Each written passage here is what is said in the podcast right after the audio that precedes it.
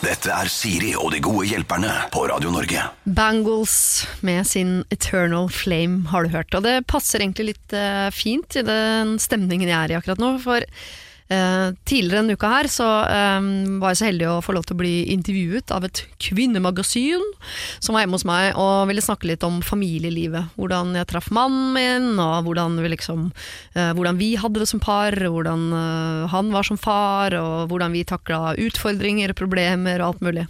Og da fikk man jo eh, muligheten til på en måte å fortelle eh, historien sin om igjen, og jeg er veldig glad i historien til meg og min, min kjæreste. Selv om den er sikkert lang og kjedelig for andre, så er det veldig sånn et sted jeg liker å liksom forsvinne i tankene mine.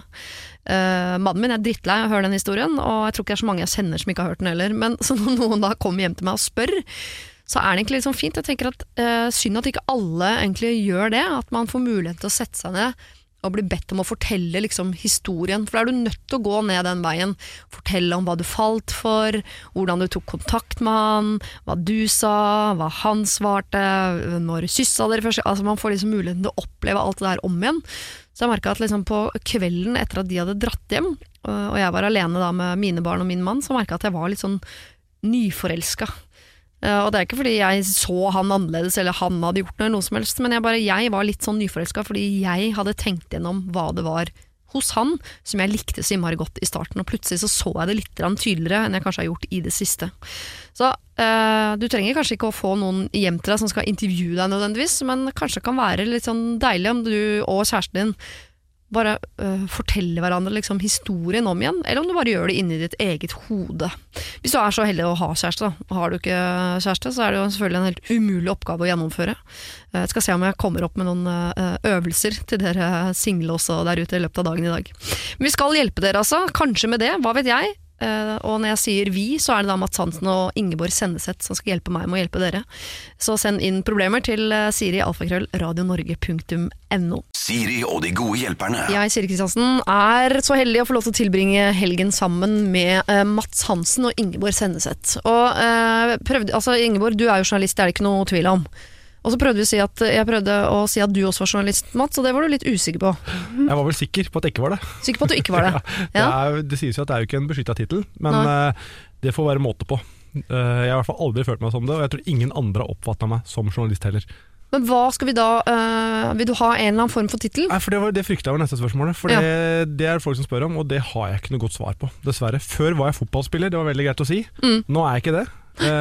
jeg har ennå ikke funnet en tittel som passer meg som jeg kan omfavne, dessverre.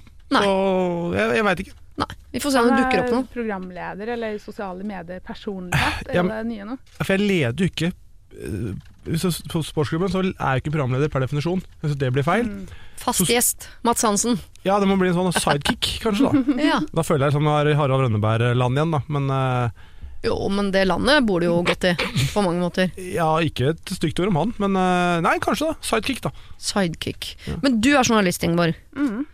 Uh, skulle du ønske det var en beskytta tittel? Nei, da hadde jeg ikke vært det. Nei. Jeg er utdanna sykepleier. Oh, ja, du er selverklært journalist, som oss andre i rommet er på mange måter? Ja, jeg har bare tenkt det det jeg egentlig har lyst til å være. Så jeg flytta til Oslo uten plass å bo, uten skoleplass og uten jobb. Og bare prøvd lykken, endte opp i Aftenposten, eh, ja. og er da eks-sykepleier og eks-blogger som gir seg ut for å være journalist. Ja, Det funker jo det, da. Ja, Det virker sånn at det går greit. Det har det gått greit i hvert fall siden 2013. Så ja. får vi se hvor lenge det varer. Ja, men Da lever du den samme nervøse bobla som oss andre. Tenker sånn, Det går nå, neste år. Antageligvis ikke. Da er man konstant litt redd hele tiden for fremtiden. Og så ja, er du også eh, eks-slangemenneske, eller? For det, det, ser jo ikke folk, men hun sitter altså Hun ser så myk ut. Sitter i lotusstilling på en sånn uh, stol her. Er du i lotus oppå den lille stolen? Uh, ja. ja. Men uh, det er ikke fordi at jeg egentlig er så veldig myk, jeg er bare litt sånn leddløs. Så jeg kan ikke si at da har jeg gått på ballett, der, sånt. Bare, jeg ble bare født litt sånn Leddløs? Dårlig stabla. Ja. Leddløs og myk tror jeg er to sider av samme sak. På, uansett hvordan man har erverva seg på en måte eh, resultatet, så tror jeg man per definisjon er myk hvis man ikke har så mye ledd. Um, vi trenger ikke å snakke så mye om sånn lang framtid, men uh, vi har en sommerferie rett foran nesetippen. Mm. Uh, og nå vet jeg ikke om Har dere kjærester, noen av dere? Ikke jeg, i hvert fall. Ikke Ingeborg? Mats? jeg har jo det. Ja, du har jo det. Ja. Jeg er du ikke sånn kjempehappy å snakke om det. Nei. Men, eh, Men da kan du snakke om deg som kjærestemenneske uten å snakke om kjæresten Ja, det din. kan du godt uh, uh, og det kan du også, Ingeborg, hvordan du er som kjærestemenneske. Blir du en bedre kjæreste av å ha mye tid og ferie med den man er glad i, eller blir man dårligere? Skal jeg svare, eller skal du svare? eh, svar først, du. Ok. Um, jeg var egentlig aldri noe spesielt god kjærestemenneske, tror jeg. Det vel kanskje derfor jeg ikke er kjæreste òg. for jeg syns det er vanskelig å ha mye tid uansett. Ja. Så jeg drev hele tida og liksom pakka inn masse ting i hverdagene mine. uh, til den grad at uh, minst én har vært sjalu på jobben min og på skolen min. For Ja. det virka som jeg heller ville være der. Og det stemmer nok kanskje litt. Jeg syns det, jeg synes det liksom er lettere å forholde seg til. Eh, Ja. Det handler nok litt om at jeg er litt sånn, eller ganske mye usikker på meg sjøl. Ja. Og når du da får noen tett innpå deg, så er du redd kanskje for at de skal se de usikkerhetene du har sjøl. Så jeg syns det var vanskelig å ha noen tett innpå meg, og da er ferie det tetteste du kommer. Og da også egentlig det vanskeligste for meg. Så å få med seg deg i to uker til Toskana uten egentlig noen planer utover å drikke vin og lese bok og sånn, det skjer ikke med det første. Jeg blir litt svett når du sier det. faktisk. jeg har en kjempegod venninne som jeg drar på ferie med nesten hvert år, og vi er veldig like. Vi syns det passer liksom med sånn fem dager. Ja. Eh, og så er hun sånn som er gjerne tidlig opp morgenen, jeg sover lenge på morgenen. Mm. Sånn at vi har på en måte litt sånn alenetid gjennom dagen også. Ja. Nå høres jeg veldig asosial ut, men det stemmer, nei. Det stemmer kanskje litt. Ja, Det høres helt perfekt ut. at jeg, Det ville øh, ikke hørtes så bra ut om jeg sa det, all den tid jeg har den mannen og de to barna som blir med på den ferien hvor jeg vil være alene. Uh, du da, Mats? Jeg satt og tenkte Jeg veit ikke om ferien får fram det beste eller verste i meg, for jeg har veldig mange baller i lufta sånn til vanlig. Mm. Så da har jeg kanskje litt sånn tid til å gjøre ting, men jeg blir veldig fort rastløs. Mm. Så hvis jeg føler at jeg har Nå er det mye, nå blir det deilig med ferie eller fri, og så går det kanskje én dag hvor man Mm. slapper av, og så er jeg rastløs. Ja. Eh, så to uker syns jeg også høres altfor lenge ut eh, på i, i varmere strøk. Fem dager, eh, kanskje Med fem dager så går ofte første og siste dagen bort til Til reise. reising, ja. ja. Så jeg tenker liksom en uke, da blir det fem effektive dager. Mm. Så jeg tenker liksom det skulle jeg klart. Eh, men jeg er også veldig glad i alenetid. Det som er deilig med å være på f.eks. Toskana, da, jeg at da kan du gå deg en tur aleine, høre på musikk og Mm. koble av litt. Da. Men da Ja. er det kanskje poenget borte med å reise på kjæresteferie. Da. ja, noe av poenget er jo borte på mange måter. Men det spørs på kjæresten du har òg, da. Sånn, eh, hvis vi skal si at jeg og venninna mi drar på den kjæresteferien, da, Ja. så er det jo sånn at vi begge har lyst til å gjøre ting. Eh, Vi har lyst til å oppleve eller lære et eller annet, og vi, vi dro til Egypt litt for å se hvor jævlig en del ting er der også. Og det er sånn jeg liker å fylle på med litt sånn jævlighet da, underveis i ferien, for å se på hvordan ting egentlig er, og ha med seg noe tilbake. Ja. Og da, hvis du finner noen som måtte matche litt på interessene der, da, Mm. at de ikke bare har lyst til å ligge og lese Jo Nesbø bok nummer 756 Mm. eh, på time 17 hver eneste dag i sola, Mhm. så kan det jo bli ganske bra uansett, tror jeg. Ja. Da er det bra vi ikke har- foreløpig, så vidt jeg vet, skal ta noen problemer som handler om hvordan skal jeg få mest mulig tid til å lese Jo Nesbø i ferien, for det har vi ikke løsningen på. Men vi skal hvert øyeblikk til en som skal på ferie med kjæresten sin, og som trodde at hun gledet seg, Mm, men det gjør hun ikke. Siri og de gode hjelperne. Radio Norge. Thank you, synger hun Alanis uh, Morissette, og det håper vi også at Sure Sara skal eh, synge etter at hun har fått hjelp til sitt problem av journalist Ingeborg Senneseth og eh, sidekick Mats Hansen. ja, jeg sa vi skulle på en ferie, og jeg har allerede nå sagt at det er Sure Sara som skal på denne ferien med kjæresten sin. Jeg skal på ferie med kjæresten min i sommer, og det er vår første skikkelige ferie som par, og jeg gleder meg helt sykt. Det vil si, jeg gledet meg. Det viser seg nå at denne turen vi skal på, eh, er så godt som identisk med en tur han har vært på tidligere med sin eks. Eh, og jeg bare lurer på om han vil en tur ned eh, Memory Lane, eller hva det er han driver med. Billetter og hotell er bestilt, men jeg mener seriøst at vi må dra et annet sted. Jeg kommer jo bare til å gå og lure på hele tiden. Gjorde dere dette sammen, eller sa du dette til henne også, eller? Og så videre. Så. Skal vi avbestille turen, tape penger, men få en bedre tur, eller må jeg bare bite dette i meg? Vanligvis ikke så sure Sara. Skjønner dere? Men da tar jeg fitta at det, er kjæresten som har bestilt Hatt liksom arrangøransvar for ferien. At han, hun ikke har liksom hatt et ord med i laget her.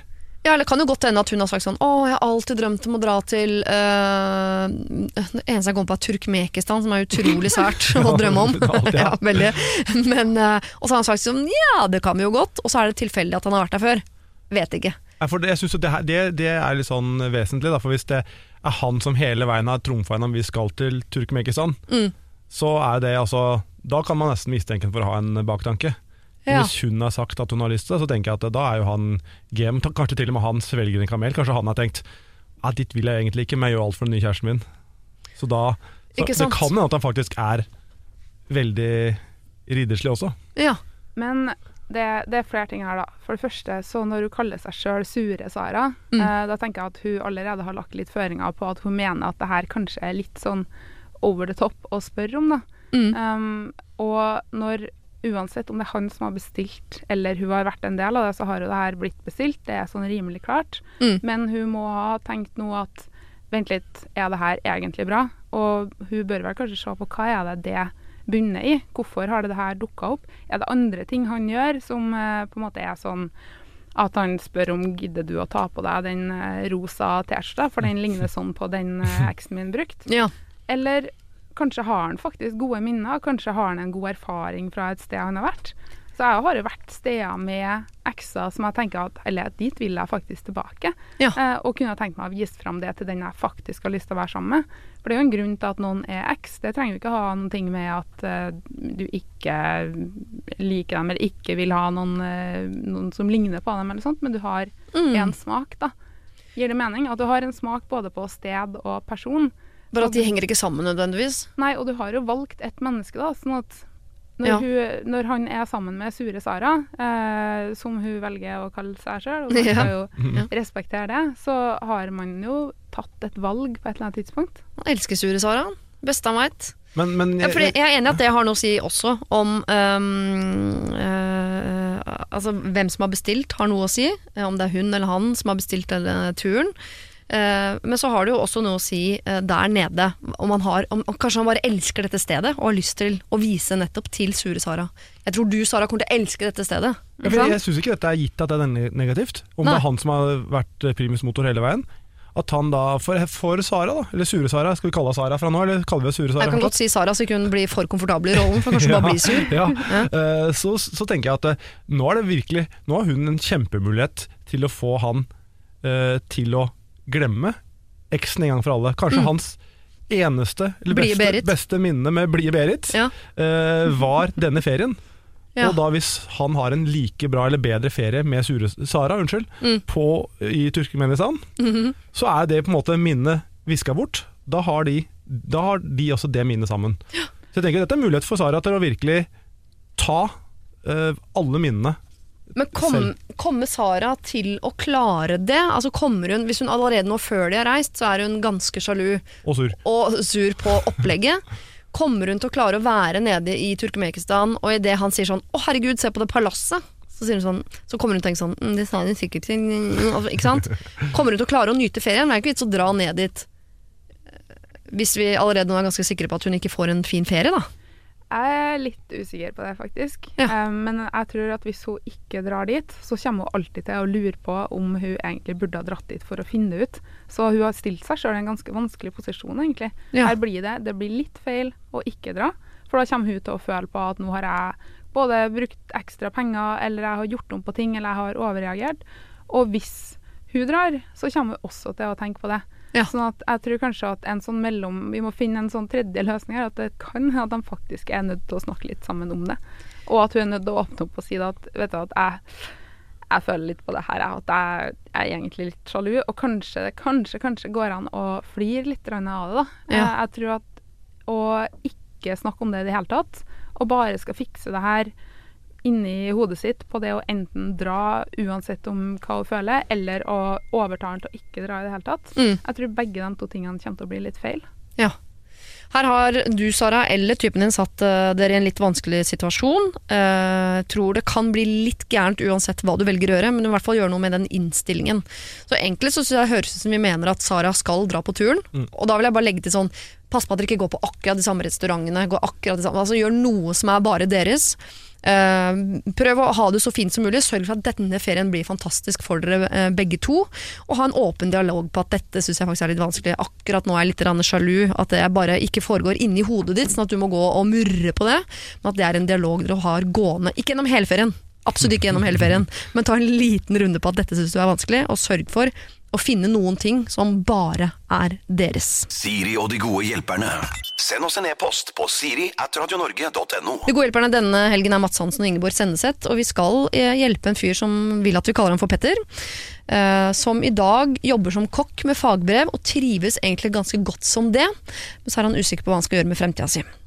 Jeg har gjort dette, gjort dette i ti år nå, og har nylig fått stilling som assisterende kjøkkensjef på en av byens bedre restauranter.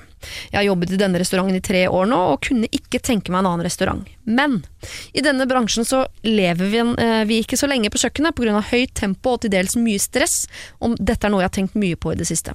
Jeg har to år bygg fra videregående, og kan gå ut i lære som snekker, noe jeg vurderer da dette er en bransje jeg kan være lenger i. Så hva syns dere jeg skal gjøre? Skal jeg bli i restaurantbransjen som jeg trives med i kanskje bare ti år til?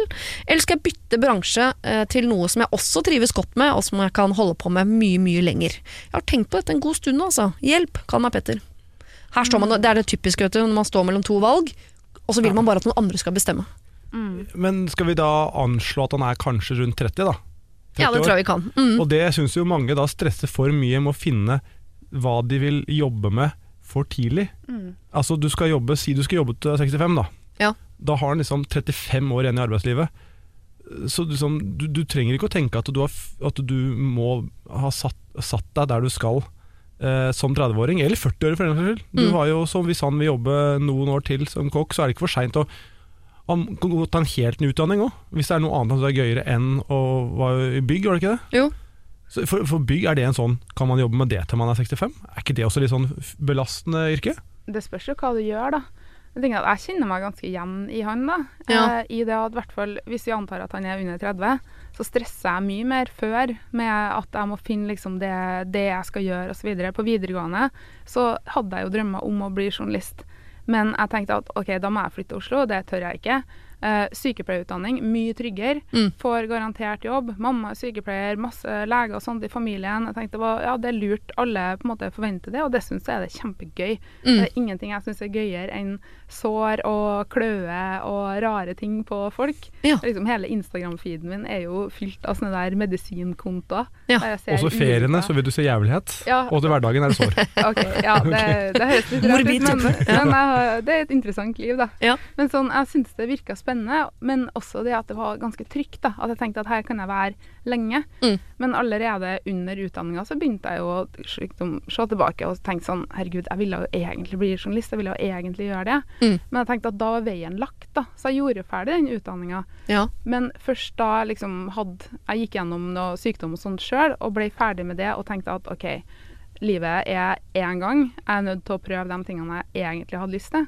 Så at hvis han egentlig drømmer om å begynne med bygg, da, Mm. eh, så tenker jeg at det er ja, det er riktig som Mats sier at vi kan jobbe til vi er 75, men det kan faktisk òg hende at du får ei kokende gryte med kalamari over deg i overmorgen, og så kan du aldri mer jobbe, punktum. Ja. Så det er, det er ting med det å ikke sånn Carpe Diem-opplegg, men at ja, hvis du har litt lyst på noe annet, så ta og bruk den ene tingen du eier som er livet ditt, og gjør noen ting med det, da.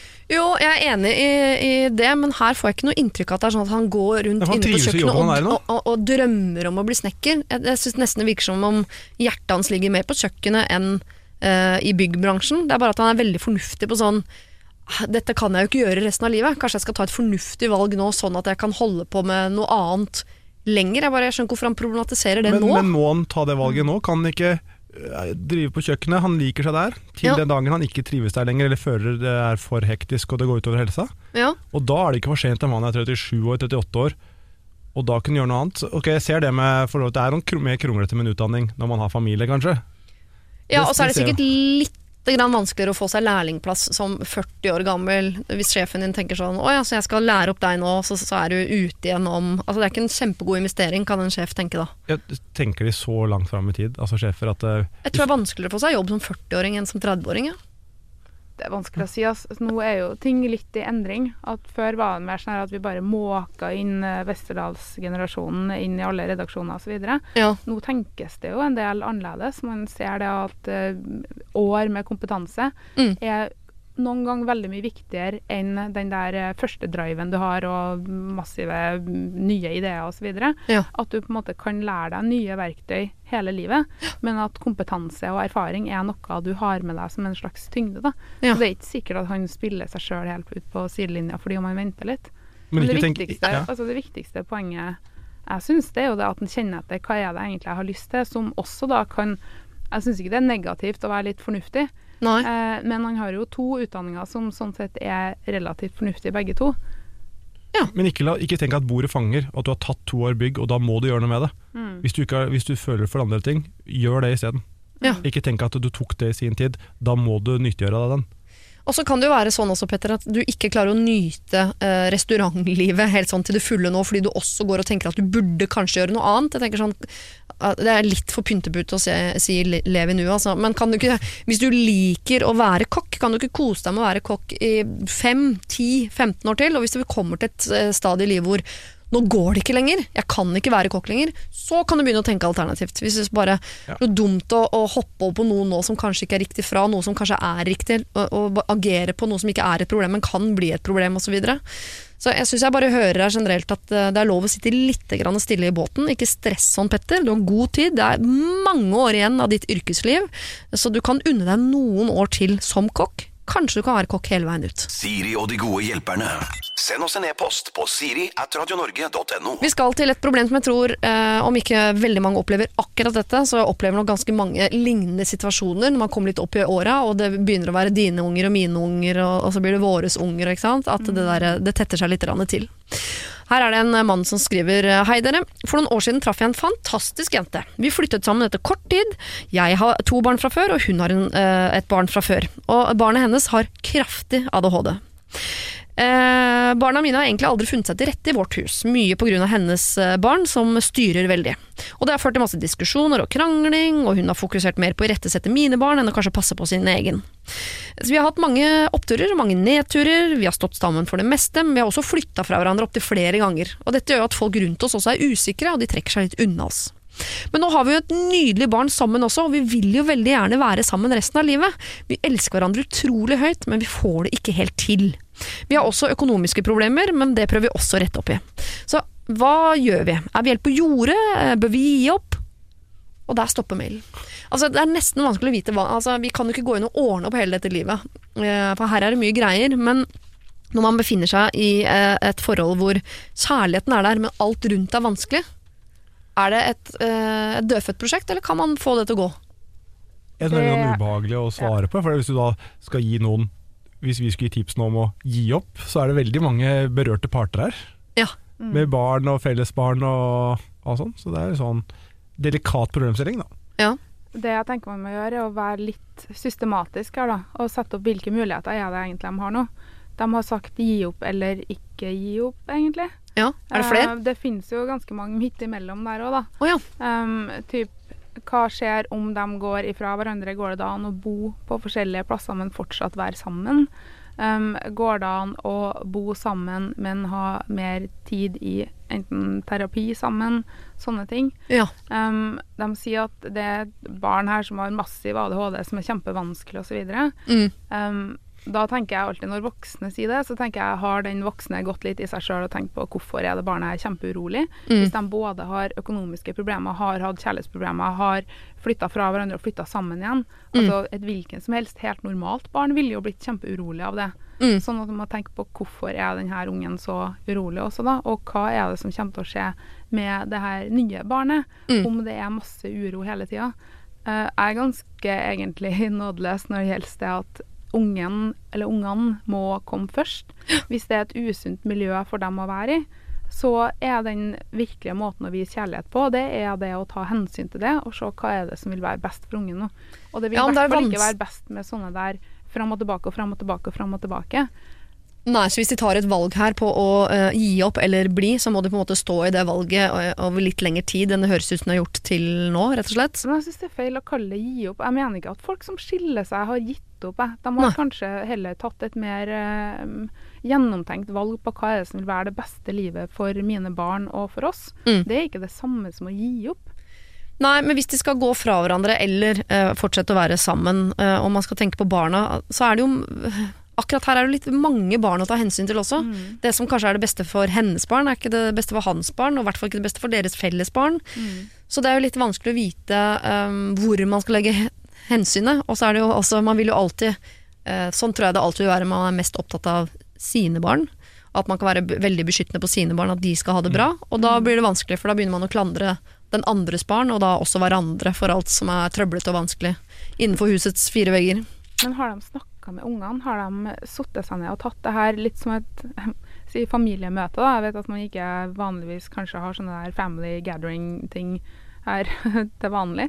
Men hvis man får satt seg ned og bare Hva ønsker de forskjellige her? Ja. Hva vil være bra? Um, Hvor gamle er barna? Det er Ja. Ja, men Jeg det tror- som at de må jo være, et, de må jo være litt store, siden de har fått et nytt barn osv. Ja, Det nye barnet er nok ikke så gammelt, tror jeg. Nei, men er det liksom at en ADHD, han som har ADHD, er det som 16-åring, 12-åring, 6-åring? Altså, Mm. Det skulle jeg også ønske at vi visste. Det Ja. vet vi ikke. Uh, men uh, hvis de vil da velge å være sammen, så handler det vel også litt grann om å i større grad eh, se på den flokken her som en enhet, enn å se så innmari på dine og mine. eh, hvorfor rettesetter du mine barn når ditt barn har problemer? Altså Når man begynner med det der, å legge skylda på forskjellige steder. Ja. Ikke sant? De må i hvert fall legge seg en plan, og gjerne, gjerne, gjerne få hjelp til den planen. Ja. Altså familiepsykolog eller et eller annet sånt, der de kan på en måte få lagt ned litt hvor hen er det vi gjør feil? Hva er det som gjør at det blir så vanskelig? For når vi har, når vi har kjærlighet, da, for altså, det er mye du kan fikse her i verden. Du Mm. kan fikse økonomi, du kan fikse leggerutiner, du kan fikse når de spiser middag, eller hvor hen i landet de skal bo, men du kan ikke fikse kjærlighet. Og Nei. hvis de har det, så har de jo en ganske stor eh, bit i det puslespillet allerede. Eh, hvis de kan se på hvordan har vi vare på det, samtidig som vi får ordna de andre tingene, så vi får et ryddig liv og et Ja. relativt rolig liv, som da er noe unger trenger. Altså Unger trenger trygghet, unger trenger stabilitet. Ja. Tenk, er du en romantisk type, Matt, som tenker at uh, hvis kjærligheten er på plass, så, så, ram, så faller de andre bykkene på plass på et eller annet tidspunkt? Eh, for å svare på det første spørsmålet ditt, eh, jeg tror ikke jeg ble oppfatta som det. Nei. Romantisk type. Nei, ok. Nei. Eh, Bare for å ta det først. Men jeg, jeg tenker jo at det viktigste er som du sier, at du, du må ha kjærligheten på plass. Men det virker som også det er de ytre faktorene som er problemet her, Mm. ikke forholdet de imellom. Mm. Og så er det det da å finne eh, en metode eller et eller annet som de, fi, de fire da, barna er det jo nå, Ja. kan bli sett på, pluss de to, det er seks stykker, at de kan bli sett på som én familie. Ja. Uh, og da det, altså det kan være den klassiske teambuilding-greia, har jeg ikke så tro på, men om det er en Ja, altså ta et valg om at vi skal Vi skal bo sammen, vi skal uh, Ja, jeg, jeg syns det er vanskelig, rett Ja, det er kjempevanskelig. Her er det veldig mange hensyn å ta. Jeg skjønner at du syns det er vanskelig å ta et uh, valg. Uh, dere har jo noe som er veldig bra, og det er kjærligheten. At dere elsker hverandre. Det, er veldig positivt. Og så har dere masse ytre faktorer som påvirker hele tiden. Da syns vi jo at dere øh, skal sette dere ned som en gjeng. Prøve å være en gjeng. Snakke sammen. Se om dere har noen felles behov som dere kan samarbeide om.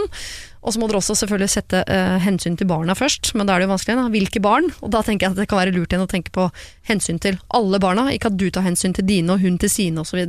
Må ta et hensyn som, eh, som gjelder alle barna.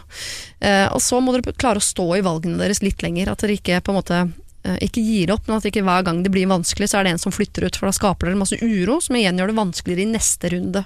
Bruk det Så- nye barnet som et eh, lim. Det, det har dere felles. Ja. Det kan være sånn lim i hele familien. Det nye barnet er eh, limet i familien. Få det til å lime sammen alle elementene, så det føles som én felles gjeng. eh, Men som ikke kan pålegg det barnet at det har et ansvar for at familien skal holde sammen. Nei, stakkars unge. Jeg tror, dette, jeg tror det er en bitte, bitte liten unge. Som gjerne sier det, men skjønner ikke noe likevel. Men slutt å si det når barnet kan eh, prate. Radio Norge. Og borte er dagens gode hjelpere. De har fått seg en velfortjent eh, pust i bakken. Eh, Fordi jeg skal se åssen det går med Oda, som eh, følte seg overkjørt. Jeg vet ikke om dere husker Oda. Hun, var, hun sendte inn en mail og fikk hjelp altså 26.-27. januar av da Jonas Kinge Bergland og Helsesista, som var mine gode hjelpere den helgen. Hun eh, var alene hjemme, hadde tre barn, godt etablert, vært sammen med mannen sin i mange, mange år. Akkurat nå var han på reise, kom hjem på tirsdag, og hun var usikker på det hele. Jeg tror jeg er ulykkelig, skrev hun. Hun hadde lenge kjent på følelser av at mannen eh, At hun var fanget i noe eh, hun måtte bli i.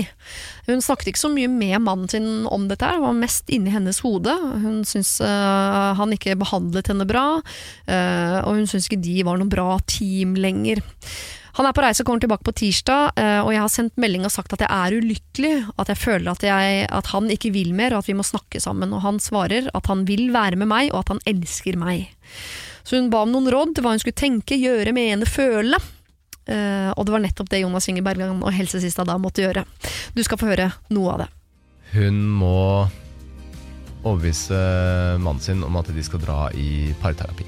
Ja. Så de får snakka ut med en uh, proff en, og så får man sagt ting som man kanskje ikke ville sagt i en setting med bare de to, fordi at man er redd for at uh, det skal eskalere i feil retning. Ja, dette er jo sånn typisk tabuting, og det er, sånn, eh, det er jo veldig rart at det, vi sender bilen jevnlig på service. Liksom. Nei, nå har han gått 150 000 km, nå skal han ha storservice. Mens uh, når du har vært sammen i i noen år, eller når du har fått noen barn, så skal man skal liksom ikke man skal, Det skal man fikse på egen hånd. Hvis hun går og grubler, så er det god nok grunn til å ta tak i det. Ja. For at eh, det er vondt å gå rundt sånn og bruke masse krefter på å gruble på ting. Det er veldig ensomt. Veldig ensomt. Og, eh, og det, hvis han elsker henne og vil være med henne, så bør han også ha forståelse for at eh, dette har jeg lyst til å ta tak i på denne måten. Mm. Og da gir vi det en sjanse, og så ser vi hva som eh, kommer ut av det. Dette var altså noe av det Jonas Inge Bergland og helsesista mente at eh, Oda skulle tenke, gjøre, mene og føle den 26.-27. januar. Hvis du vil høre det i sin helhet, som du laster podkast. Oda har sendt oss en mail hvor hun oppdaterer oss på hvordan det går nå. Hun skriver det var knalltøft å høre at dere tok opp problemet mitt. At hjelperne, spesielt eh, dr. Bergland, tok meg så på korn i forhold til at det skal mer til enn å sende inn spørsmål til dere, gjorde litt vondt. Etter dette ble jeg likegyldig til min mann, noe som hjalp. I mine likegyldige øyeblikk fikk jeg forklart han hva som foregikk, og han prøver så godt han kan, samtidig som jeg startet med psykolog. Nå har jeg startet i samtaleterapi, jeg er blitt tatt på alvor og jobber hardt med forholdet til mannen og meg selv. Ja, jeg ble overkjørt, men jeg lot meg altså overkjøre. Jeg har et indre selvhat som jeg selv må jobbe med. Eh, For at jeg fortjener å ha det bra, for det jeg tror på at jeg bør. Poenget er at analysen fra deg og dine medhjelpere fikk meg til å innse at jeg kommer ingen vei uten å ta vare på meg selv. Jeg blir ikke lykkelig uten indre lykke. Jeg kan ikke unngå å bli overkjørt så lenge jeg tråkker på meg selv. Psykologen forsto meg ikke første timen, men fikk innsikt andre timen og skal jobbe mer med meg tredje timen. Jeg har så store vanskeligheter med å åpne meg at jeg har gjort meg selv ensom. Jeg tror jeg kommer til å klare meg. Jeg tror jeg er verdt noe. Tror jeg. Men jeg har aldri følt meg så transparent som når dere snakket om meg, og det var en øyeåpner. Så takk, selv om det var langt ifra det jeg ønsket å høre. Vi høres! Hilsen overkjørte Oda. Bra, Oda. Noen ganger så gjør det vondt å få den hjelpen man trenger. Det er kanskje akkurat det man trenger for å få et lite sånn vondt tupp i ræva til å gå ned den veien man burde ha gått for lenge siden. Jeg håper at psykologen forstår deg bedre og bedre og bedre, og bedre, og at dere sammen kan finne ut av dette, sånn at du neste gang når du mailer oss, så har du tatt bort ordet overkjørt og kan skrive bare hilsen Oda. Siri og de gode hjelperne. Eh, vi skal til eh, Ja, jeg vil påstå at dette er eh, i hvert fall lørdagens mest alvorlige problem. Eh, fra en eh, jente som eh, lurer på om hun kan ta avstand fra sin mor. Vi skal få litt historikk først. Som liten jente vokste jeg opp med en far som var psykopat. Ja, han har fått diagnosen. Da jeg var ni år gammel var pappa endelig ute av livet mitt, men det betyr ikke at usikkerheten min var det. Jeg var sårbar og engstelig som barn, og ble fort klassens mobbeoffer. I denne perioden var moren min og lillesøsteren min de eneste vennene jeg hadde, og vi som familie ble ekstremt nære. Så har hun vært gjennom mange år med eh, eh, mobbing og selvmordsforsøk, og hun har flyttet vekk fra byen hun vokste opp i som 18-åring for å komme seg vekk. Og det likte ikke moren. Moren er ganske overbeskyttende eh, og eh, ville ikke at datteren skulle flytte vekk, og til slutt så flytter hun altså da hjem igjen. Hele tenårene har jeg følt at moren min har slitt med å være den moren jeg har trengt i etterkant av traumene i min barndom. Hun har vært manipulerende hele veien. Altså Hun har sagt ting som Hvis du gjør dette, så kommer jeg til å ta mitt eget liv. Det er din feil at jeg har det vanskelig. Syns du jeg fortjener å sitte her alene med min depresjon, osv. Dere skjønner typen. Dette har gjort at jeg nå kjenner et behov for å ta et selvstendig valg om å ta avstand fra moren min. Søsteren min støtter stort sett mamma og mener at jeg svikter familien bare fordi jeg sier at jeg trenger tid til å fokusere på meg selv og eksamen. Jeg studerer og bor med verdens beste kjæreste en times, un times tid unna der moren min bor, og hverdagen er allikevel preget av angst, stress, dårlig samvittighet, trusler, spydige meldinger hytt og gevær fra mor. Jeg orker virkelig ikke dette, så kjære dere. Kan dere være så snill og hjelpe meg til hvordan jeg skal ghoste min egen mor og leve et avslappet liv sammen med kjæresten? Hilsen utslitt jente på 22. Hun vil ghoste sin egen mor. Det høres jo ut sånn, uten, altså, uten å kjenne alt inngående her, at dette er noe som ikke vil bli bedre med tid. Snarere tvert imot. Mhm. Eh, hvordan blir det da når denne moren eventuelt får et barnebarn? Eh, Ja. Hvordan skal det håndteres? Det høres jo litt ut som det er sånn plaster altså, som må rives av. Altså man må, man, må ta en, altså man må ta en konfrontasjon her, tenker jeg. Det har kanskje blitt gjort òg, altså prate med og fortelle hvordan man føler det, men det høres ikke ut som det har noe lykkelig utfall, det heller. Det Nei. lykkelige utfallet tror jeg er for hva hun het, hun som sendte inn? Johanne. Johanne. Mm. Eh, det, det virker som om hun eneste rette for Johanne er jo å ta avstand fra moren her. Ja. Men hun Johanne um, hun har åpenbart tenkt veldig veldig lenge på det her. Um, jeg må bare si at jeg har vært veldig veldig rørt av å høre på henne. Og bare høre da at hun nå har At hun studerer, Mm. at hun har kjæreste. Altså For det første det at hun klarer å gjøre noe sånt som å studere, som da krever jo konsentrasjon og dedikasjon og alt det som på en måte ofte blir revet bort fra folk som vokser opp med vanskelige foreldre. Mm. Uh, det når folk får når folk har selvmordsforsøk som, eh, som ung eller skader seg sjøl osv., så, videre, så vil det jo alltid være av en grunn. Mm. Eh, det er jo ikke som at noen bare våkner opp en dag og tenker oi, det er kjipt å leve, jeg gidder ikke noe mer. Um, og det at hun har reist seg på den måten der, det er bare så utrolig imponerende, og det håper jeg hun tenker på ofte. Ja. At hun har reist et liv for seg sjøl. Samtidig så er det her sårbart. Hun sier det sjøl, hun var et sårbart barn. Det, hun er sikkert fortsatt et sårbart menneske. Og da er hun nødt til å så verne om seg og sin situasjon. Og når Ja. hun tenker så langt som til å ghoste sin egen mor, så tenker jeg at vi må prøve å støtte hun i hvordan det kan gjøres på en måte som hun kan eh, leve med, da. Ja. Eh, og jeg vet ikke om konfrontasjon er det riktige, men kanskje går det an å skrive f.eks. et brev, da. Eh, der hun får formulert litt av de samme tingene som er her. Mm. Hun kan jo da ikke regne med at det her nødvendigvis blir veldig pent. Mora sliter åpenbart veldig med sitt. Søstera sliter nok også med sitt. Mm. Eh, og de kanskje ser hun som en veldig, eller ser Johanne da, som en veldig sterk person, sånn at det da går fort utover hun. At de kanskje klandrer hun for å ødelegge deres lille gjeng. Det er det jeg tror kan slite ut Johanne på sikt, nemlig. For Johanne slår meg også som en ganske sterk jente. Oppi en, eh, oppi en gjeng full av ikke fullt så sterke mennesker. Og det er en ganske tung ting å skulle bære. Eh, og hun sier at hun er utslitt allerede som 22-åring, til tross for at hun har verdens beste kjæreste og studerer og alle de tingene her. Hun høres jo veldig Så- samvittighetsfull ut. Mm. At det er det tynger henne. Mm. Og det er problemet. At andre kunne da bare gitt F. Men det åpenbart klarer ikke henne. Men på et eller annet tidspunkt så må hun jo leve sitt liv også. Ja, fordi her er jo uh, alle de tingene som er bra i livet hennes, er jo det i det livet hun har valgt, og ikke i det livet hun er oppvokst i som hun ikke har valgt. Men jeg klarer ikke liksom bli trygg på at at uh, Johanne her uh, La oss si at hun ghoster moren sin, hun tar det valget. Ok, vil ikke ha noe mer med henne å gjøre. Så tror jeg ikke nødvendigvis at hun får det så veldig mye bedre, for jeg tror hun kommer til å slite så mye med den dårlige samvittigheten at det blir nesten like slitsomt som å ha moren i livet sitt. Så jeg bare lurer på om det fins en løsning som er å, å beholde mor i livet, men, Men distansere seg uten å si det til mor. Men bare jeg, jeg, du fins i livet mitt, men jeg, du får ikke lov å, å ha noe innvirkning på mine valg eller mine, eh, min framtid. Hvis, hvis det går an. Jeg vet Kan, ikke. kan man bruke altså, Vi vet jo ikke kjæresten hennes her. Nei. Er han introdusert for moren og familien? Hvis hun på et eller annet vis klarer å, å binde de sammen på et vis. Ja, jeg tror kjæresten har vært inne i bildet her og hjulpet moren med en del ting, og så har hun plutselig begynt å mislike han på et tidspunkt. Vil ikke ha noe med, altså, ja. okay. Så hun er ganske manipulerende i alt hun gjør overfor datteren sin. Da. Jeg tror hun vil ha datteren for seg sjøl, liksom.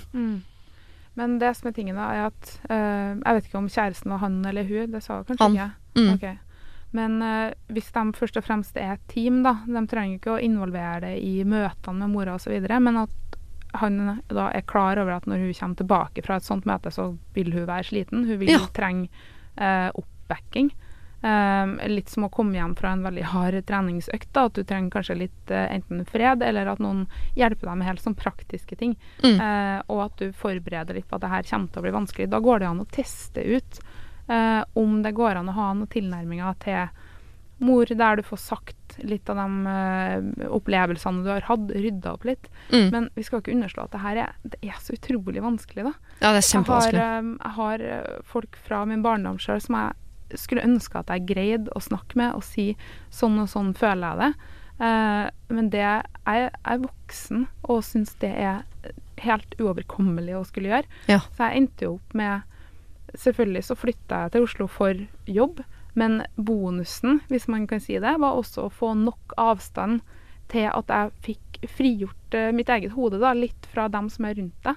Ja. Så det er jo ikke sikkert at hun skal være nødt til å på en måte Neste uke så tar jeg en prat med mor. Uke etter der så eh, tar jeg litt avstand. Uke etter der så er det sånn. Kanskje går det an å sette en litt lengre tidsperspektiv på det her, da. Og si Ja. at nå skal jeg ha pause over sommeren eller til høsten, et eller annet sånt. og At du tar og trekker deg unna i litt, en litt lengre periode, da, og får reflektert litt over over tror du hva kan er ha det egentlig gjort det vil si. lenge. Tror du ikke han har gjort det lenge? Hun flytta Ja. jo da hun var 18, flytta tilbake, og nå er hun 22. Ja. Så det er, ikke, det er ikke så lang tid det er snakk om hvis du ser ut ifra et helt liv, da. Nei. Men jeg synes mor, det høres ut som moren er en som trekker i trådene her, og som vil styre det meste. Mm. Og som kanskje da, fordi hun er manipulerende, ikke har egentlig blitt konfrontert ordentlig. Nei. At det, det har gått altså, Det har, sa vel ikke Johan noe om, om det har vært noen ordentlig prat der, eller om det bare har vært moren som har manipulert opp gjennom åra, og så har Mm. de føyd seg etter det. For da å faktisk bli fortalt at det her går ikke, så får du en smell. Ja. Altså, ja. Det er Kan vi vanskelig få med søstera i det her, da?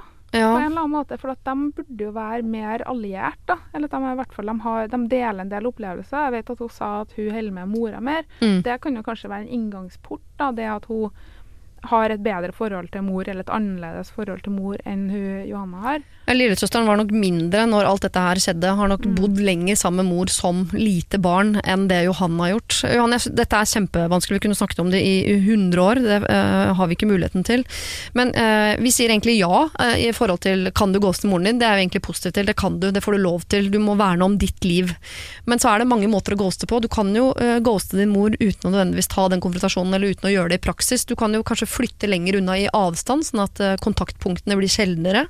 Du kan rent sånn eh, inni eget hode bestemme deg for at moren din ikke skal ha så stor innvirkning på deg og ditt liv i din hverdag, at det er mer en sånn en mental ghosting du driver med, enn den derre eh, at du skal slå opp med moren din og ikke ha noe mer med henne å gjøre. For det høres ut som om moren din kommer til å pålegge deg masse dårlig samvittighet på det, på det valget, i tillegg til den dårlige samvittigheten det høres ut som du har allerede. Så se om du kan finne en eller annen avstand eh, som hjelper deg, og se om du kanskje også på sikt kan flytte, og se om kjæresten din kan være en støtte, og se om du på sikt også kan alliere deg med søsteren din. Siri og de gode hjelperne. Send oss en e-post på siri at radionorge.no. Nå er det uh, søndag for folk, uh, og uh, folk pleier å lure på hvordan andre mennesker tilbringer søndagene sine. Jeg elsker søndager. Jeg vet at det er mange mennesker som hater søndager fordi det er en konstant påminnelse om at i morgen begynner hverdagen. Eh, og det, det her er, Nasjonen er splittet. Eh, så jeg tenkte å høre med dere hvordan Liker dere søndager? Hvordan ser en søndag ut i et typisk Mats Hansen-liv eller typisk Ingeborg Senneset-liv? Dere har jo allerede sagt at dere er veldig glad i at ting skjer. Dere er glad i jobben deres. Mm. Så kanskje dere bare syns at søndag er en sånn uh, hump i veien mot det som er gøy? Ja, For meg, Søndag. ja. Skal jeg starte? Kjør start, Ja. Jeg kan starte siden mine er mest eh, pinlige. Oi. Eh, søndager så vil jeg gjøre minst mulig. Det Ja. er min eh, stoppdag. Jeg har som regel færrest mulig avtaler. Eh, jeg har ikke på vekkerklokke, og det syns jeg er den største luksusen som eksisterer på jord. Det er å ikke ha på noen klokke som skal vekke deg. Altså Folk som har på klokke om søndager, er vel Ja, er psykopater. psykopater. Ja, ja, helt enig. helt enig. Det, jeg pleier ikke å sette diagnoser på folk eh, sånn eh, uavhengig av eh, symptomer, og men akkurat det, det er ikke bra. Der er du streng. Det er ikke bra. Uh, og jeg våkner et eller annet tidspunkt, kanskje 11 eller noe sånt. 12 -hmm. kanskje. Oi. Eh, jeg snubler ut på kjøkkenet, tar et eller annet kaldt å drikke i kjøleskapet, og reflekterer litt over at jeg skal ingenting. Og så kan jeg finne på å gå og legge meg på nytt, og ligger og se litt eh, serier. Uh, har med brus i senga. Mm. Eh, og hvis folk spør om jeg har lyst til å finne på noe, så sier jeg ja, kanskje i morgen. Ja. Og så surrer jeg rundt og gjør eh, kanskje litt i huset. Eh, ikke for mye, kanskje 20 minutter eller sånt. Ja. For å føle at jeg har gjort noe den dagen. Og så når det begynner å nærme seg liksom kveld, da begynner hodet å våkne litt mer, så da gjør jeg kanskje litt forberedelser hvis det er noen ting jeg skal gjøre til uka, eller noen debatter jeg skal være med på, eller noe sånt. Ja. Men eh, selve dagen, da vil jeg være minst mulig sosial, og mest mulig i horisontal. ja. Du da, Mats? Nei, hvis den, det var det pinlig, så er min pinlig òg, for det er ganske likt. Jeg er veldig glad altså Jeg er helt enig. Det beste jeg veit, er å kunne Er å legge seg i visshet om at man kan sove så lenge man vil Det dagen er etterpå. helt sykt. Eh, f- søndag for meg er jo Altså det er, det er mye sofa, men det er enten Premier League, altså engelsk fotball, eller norsk fotball. Jeg er Ja. veldig glad i det. Jeg har jo egentlig alle år tidligere fram til for et år siden spilt fotball på søndager. Så da har, den vært, liksom, da har jeg vært i kampmodus, måtte stå opp i riktig tid, spise ordentlig, lade opp, dra på kamp. Men nå da å slippe helt garden, kunne ligge og se på fotball, se på serier, det er kjempedeilig. Uh, så det er min det er liksom min sånn eh, katalysatordag. En sånn, eh, hvor jeg virkelig da kan liksom få lyst til å gjøre noe igjen uka som kommer. Ja. Eh, så jeg, tror jeg trenger den, og jeg syns det er helt nydelig. Så jeg er ganske like der, tror jeg. Men så de som er rundt deg på søndager, Mats, de, på måte, de vet at fotballen for deg, den er hellig. Så det er ikke noe, det er ikke noe vits å be med deg ut på en uh, kaffe latte i firetida på en søndag. Nei, altså først og fremst så En, jeg bor jo i Lier, og da må vi kjøre inn til Oslo for å ha kaffe latte. Eh, Ja. Det er kronglete. De har bare fått cappuccino der ute etter nå. Nei, altså to, jeg drikker ikke kaffe. Å nei! så det, uh, nei, altså jeg er, eh, jeg er en Jeg burde kanskje vært flinkere da, til å omfavne det sosiale livet mitt når jeg kan på søndager. Ja. Uh, men uh, da syns jeg det er så deilig å være og slappe av og, og se fotball som sagt, og sove lenge. Og, så skal jeg bare bli enda flinkere nå i sommer til å eh, sette meg ut og slappe av litt. Det er Ja. jo deilig i sola. Høre på litt podkast, musikk, lese litt. Ja. For jeg, jeg ofte blir litt sånn stuegris. Litt stuegris. Men det som også er deilig, er hvis det er sol, og du har valgt å være inn. Ja. ja, hvis man klarer å kose seg med det. Da har du Fordi et sånn aktivt valg om å ikke gå ut. For at jeg har vokst opp på landet. Dere hører jo at jeg ikke akkurat er en urban type, på sånn som jeg prater. Og jeg har vokst opp med det at hvis det er sol, så er jeg rett ut. Ja. Og det å bli voksen og ta det valget, bare se det sola skinner og alt sånt her, jeg velger å være inne. få ned blendegardinene, få på Netflix. Ja. ja.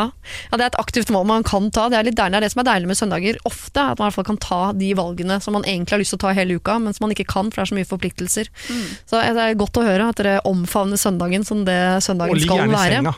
Ligge du, i senga. Ikke, du må ikke flytte deg til sofaen for å se på serier. Bli gjerne liggende i senga. Gå opp og få deg noe mat, gå tilbake igjen. For det er diggest å ligge i senga og se på serier. Ja. Ikke i sofaen. 100 enig. Ta med deg mat, ta med deg brus, legg deg i senga, se på serier. Hvis du har muligheten, da. Hvis du har muligheten. Ja. Siri og de gode hjelperne. Radio Norge. Nå skal vi til eh, et eh, par som vi kan kalle for Marie og Yngvar, som bor i en vertikaldelt bolig. Eh, de har ofte formiddagene fri sammen, altså det er jo eh, luksus, men det er de så heldige å ha. Da liker vi å spise lunsj ute på verandaen i godt vær. Problemet er at naboene, altså de vi deler bolig med, har en sønn på 14.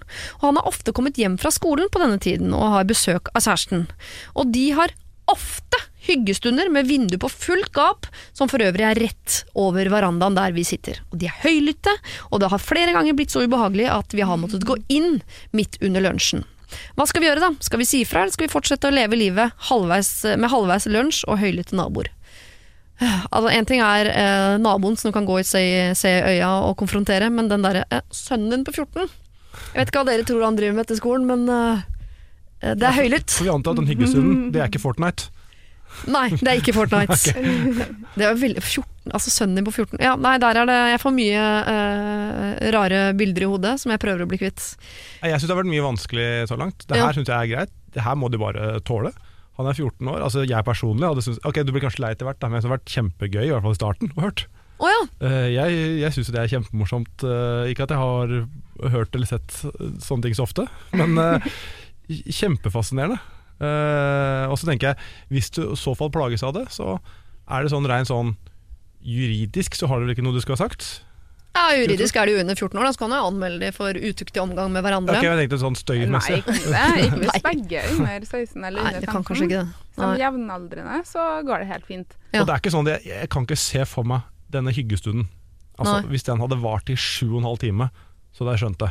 Men det kan da ikke vare mer enn altså, La oss La oss si en halvtime, da, for å være litt G-man-fyren. Ja, I hvert fall på den, av den høylytte delen, liksom. Ja, Og da tenker jeg, det klarer du. Hvis du sitter der og var det lunsj de tok sammen. ja.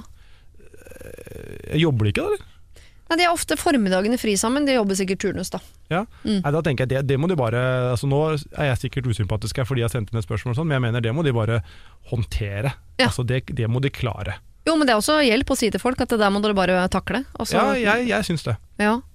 Ja, men det, det spørs litt hvordan du skal se det her. Da. Det, er jo, det, det finnes jo morsommere ting å gjøre enn å gå og si til naboen at sønnen din driver på sånn og sånn. Um, det mest effektive her, hvis vi skal altså De har jo bedt oss om råd. Um, jeg tenker jo selvfølgelig at det er flott at unge mennesker koser seg og nyter kroppen osv.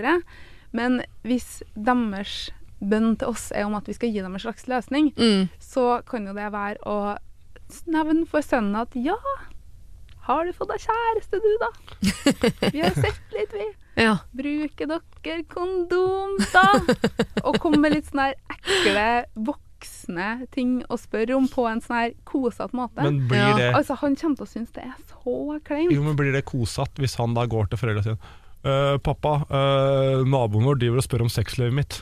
Han kommer aldri til Det kommer aldri til å skje. Fordi det. det, aldri til å den er eneste trøsten man har i situasjoner som er kleine, er at veldig ofte når ting er kleint, så er det kleinere for motparten. Nettopp. Så selv om hvis det er kleint for eh, Marie og Ingvar å skulle gå bort til han på kjortelen og, og, og si dette, så kan du Ja, banne på at det er hans er 200 så Foreldrene hans er ikke hjemme, de er som på jobb, så han kommer hjem og tenker at han er alene hjemme. Ja. Da kan han ha denne hyggestunden. Altså har han glemt at Marie og Ingvar er midt i en brioche på Ja, men eh, åpne, verandaen. han må gjøre aktivt valg om å åpne vindu, for det er Ja. jo ikke åpent når han kommer hjem fra skolen. Nei, Så han må, fullt det er veldig rart at han åpner Han vet jo at de sannsynligvis ser at de sitter her, uansett å, så åpner han det. Ja. Det er ikke så rart, det er jo varmt. Jo, men da må du også samtidig, hvis du åpner et vindu, så kikker man vanligvis ut og ser er, Altså, det er ikke det naturlig? Ja, det høres, har de rukket i en alder av 14 år å utvikle en fetisj allerede? Er ikke det sånn som kommer etter hvert når man er lei av de vanlige greiene? Jo, altså jeg vil, det, det er mulig. Jeg syns dette sagt, de bør, de bør tåle det, men hvis de skal ha et forslag til løsning Kanskje tåpelig, men Mm. Bruk eh, den der tale opp den diktafonen på mobilen. Ta opp lyden, Ja. og så bruker du det som ringetone. Matt Hansen, det der er ulovlig. Du skal ikke ta opp folk sine sexlyder. Nei, men du, Nei, du er tar jo opp lyden fra din egen veranda, Det det er er egen veranda. bakgrunnsstøy. Ja, ja, Så, bare, ja. så, så sier du da, når du ser han, da, så bare får du noen til å ringe deg, så har du den som ringetone. Så skjønner han Oi, de har hørt oss. Men hvor ofte er det han hører hennes telefon, da? Mm. Nei, altså, det, det kan være hvis han kommer hjem og Jeg veit ikke. Uh, jeg, jeg tror noe sånt noe snarere enn en konfrontasjon. Men uansett, jeg mener det må de tåle. Det er ikke så mye det er snakk om. Eh, jeg kan ikke tenke meg at det er mange timer hver dag. Eh, og det er eh, Nei, nå skal ikke jeg si at de høres misunnelige ut, for det. Men jeg hadde blitt fascinert, men det er nok kanskje noe med lengden på det. At Ja. over lang tid så blir du lei, men det må du tåle. Det er, det er et forelska ungdomspar her. Altså, dere må tåle det utgangspunktet. Skal dere ta det opp, så ikke ta det opp med foreldrene, ta det opp med den det gjelder. Fordi eh, de kommer til å synes det er utrolig kleint at naboen har hørt på. Og så tenker jeg at hvis du først skal ta det opp også, hvorfor ikke mens det skjer? Altså, det er ikke hvis å gå opp sånn etterpå og si sånn ja, jeg hører dere, hyggelig dere. Men hvis der og da sånn hei der oppe, vær litt stille! Så vil de der oppe tenke å herregud, naboen hører oss, og så lukker de vinduet. Eller hvis du er høylytt, du selv mens Ja. de har sex, så hører de mens de har sex at oi, vi hører jo de på verandaen. Ja. Det betyr at de hører oss. Så hvis du hoster høyt eller nyser eller synger høyt selv, Ja. så vil de høre Oi, så vil de høre deg. Og da vil Ja. sannsynligvis de skjønne at det, da hører de oss også. Så kanskje det er en sånn subtil måte å få de til å lukke et vindu på. ja. Men altså, hvor mange ganger har subtile hint funka for en 14-åring? Du må være ganske tydelig, da. ja. Men i hvert fall få, få heller dem til å bli kleina ut. Nevn et par sånne der eh, Ja, nei, vi hørte litt i går. Går det bra, eller? Det hørtes ut som det var litt vondt, eller? eh, altså, kødd litt med dem. Ja. Få det til å bli en litt sånn her Ikke sånn at han aldri kan møte på deg i eh, oppgangen igjen. Er- Men at de sånn tenker kanskje vi skal lukke igjen vinduet-tanken. For det er Ja. ikke sikkert de engang er klar over det. Altså, hvor mye hensyn tar du når det er 14-15? Ja, er du ikke litt sånn flau da? Ønsker du ikke å gjøre ting i skjul, da? Alt er flaut når du er 14, Ja, skulle, skulle man tro. Ja, Ja, men Ja. det kan hende at den tror at det her er skjul. Ja. ja da forteller jeg bare holde bare Lag noe lyd opp så de hører deg på soverommet. så skjønner de kanskje at den lyden går begge veier. Her syns vi, som dere hører, eh, Marie og Ingvar, at i utgangspunktet så skal dere, dette her må dere tåle. Eh, hvor ofte kan det være, og hvor lenge kan det holde på osv. Dette må dere tåle. Men tåler dere ikke det, så må dere si fra til den det gjelder, og kanskje mens det står på, eller rett etterpå. For dette er helt sikkert mye kleinere for dem enn det er for dere. Møt lyd med lyd. Uh, ikke, det trenger ikke å gå i konfrontasjon. Eller still Applaus rett etterkant. Ja, applaus rett etterpå. Ja. Eller still kleine spørsmål som bruker dere kondom osv. Eller har du vondt noe sted, eller alle de der spørsmålene der. Uh, hold foreldrene utenfor. Siri og de gode hjelperne. Vi skal til eh, en som heter Jamila. Eh, kanskje uttales Shamila. Usikker. Hun skriver i hvert fall Hei, dere. Uff, nå er jeg redd for at trassen min har gjort meg en bjørnetjeneste. Egentlig elsker jeg nemlig å være særinga mot strømmen. Altså, Når alle begynte å røyke, så gadd ikke jeg. Når alle spilte håndball, så begynte jeg med bandy osv. Når alle skulle reise et år etter videregående, ja, så begynte jeg å jobbe. Men siste trend i min gjeng er som i samfunnet ellers, det er trening, trening, trening. Og et stort nei til all mat som er godt. Og det er så kjedelig, jeg dauer. Så hva gjør jeg? Jo da, da har jeg demonstrativt begynt å spise boller og makroner ved enhver anledning. Eh, Jeg har kjøpt øl når alle de andre drikker vin, selv om jeg faktisk foretrekker vin selv. Og jeg nekter å trene. Men hva er resultatet? Jo, jeg ser ut som en sekk. Og hvordan kan jeg nå eh, vise skjønnhetstyranniet en lang finger uten å selv forfalle helt? Hilsen da Jamila. Skjønner dere hva uh, Jamila vil her? Jeg forstår, jeg kjenner meg veldig godt igjen i Jamila. Jamila. jeg kjenner meg, jeg er også litt sånn Det er ikke noe Jeg også hadde vært sånn Jeg har ikke lyst til å bli oppfatta av den som følger strømmen. Og Nei. blir litt sånn trass og skal gjøre det motsatte. Mm. Og da maler jeg inn et hjørne sånn som her, da. ja. Det er jo problemet. Eh, åpenbart du trenger et stort hjørne, sånn rent fysisk, ifølge det hun sier selv. ja. Men eh, jeg tror det er litt sånn uvant. Du, du føler på det første gangen du forteller noe at du skal begynne å trene eller du spiser sunt, og så, og så er folk vant til det. Du føler som du, du, du må svelge en kamel. Ja, for Tror du hun sliter mest med sånn overfor seg selv å skulle eh, svelge den kamelen og bli med strømmen nedover? Eller tror du hun syns det er flaut overfor de andre at ja ja, så var det bare jeg som var trassig da, dere hadde rett? Jeg tenker at vi trenger først og fremst flere som tenker litt som eh, Jamila. Ja. Eh, Jeg sier Jamila, for det sier de på Paradise Hotel. Hvis du sier Jamila og jeg er Jamila, så er vi safe. Da er vi Mm. safe. Ja. Um, det at hun har lagt merke til at det er et eh, skjønnhet, skjønnhetstyranni, Mm. um, det snakkes jo om hele tida, så det å være imot det er ikke sånn superviktig å være en del der. Men hvis at noen klarer å finne en slags balanse eller en mellomting, Mm. da hadde jeg blitt mer imponert. For det, det er ikke om å gjøre å være imot bare for å være imot. Um, det blir litt sånn her Jeg er imot bilbelter, for det bruker jeg alle. Det gidder ikke jeg. Det Ja. blir dårlige resultater. Ja, sånn. det er dumt. Det er Altså dumt. det, det å være imot for å være imot, det imponerer ingen. Men det å legge merke til en trend og være en motvekt, Ja. det må kunne gå an på andre måter enn å drikke ting hun ikke liker, og spise boller Ja, bare må for å gjøre kokosboller være våpenet, liksom, tenker jeg. Det Kan du ikke heller være smart i måten å det? Spørsmålet er sånn at hun, hvis hun trives med det livet, Ja. så får det, måtte det være greit. Men hvis hun på trass Hvis hun skulle ønske hun kunne trene, men hun trener ikke for å liksom gå mot strømmen Hvis hun gjerne skulle spist sunnere, men hun propper i seg boller fordi hun skal gå mot strømmen, så er det Ja. feil her. Ja, nå leser, velger jeg å lese setningen 'jeg ser ut som en sekk' med veldig sånn negativ betoning. Det kan Ja. jo hende hun mente det som sånn 'jeg ser ut som en sekk'! Hipp hurra! Da hadde jeg ikke sendt inn spørsmål til oss. Nei, det Og er så kan vi også tenke litt på hvor hen er det hun bor hen. Um, det er en sånn interessant undersøkelse som har kommet fra Forsvaret, som tar inn jenter på sesjon. Mm. Um, blant jenter som bor i Oslo, er en kjempestor andel undervektig. Mm. Blant jenter som bor eh, helt nordpå, er en ganske stor andel eh, normalvektig eller overvektig. Um, Ja. Det kan hende at hun bor her i Oslo og oppfatter seg sjøl som en diger sekk, mens hun er jo egentlig helt normal. Har en indre Eh, nordlending i seg. Ja, men altså, det er sånn her, du må vite hvem du sammenligner deg med også.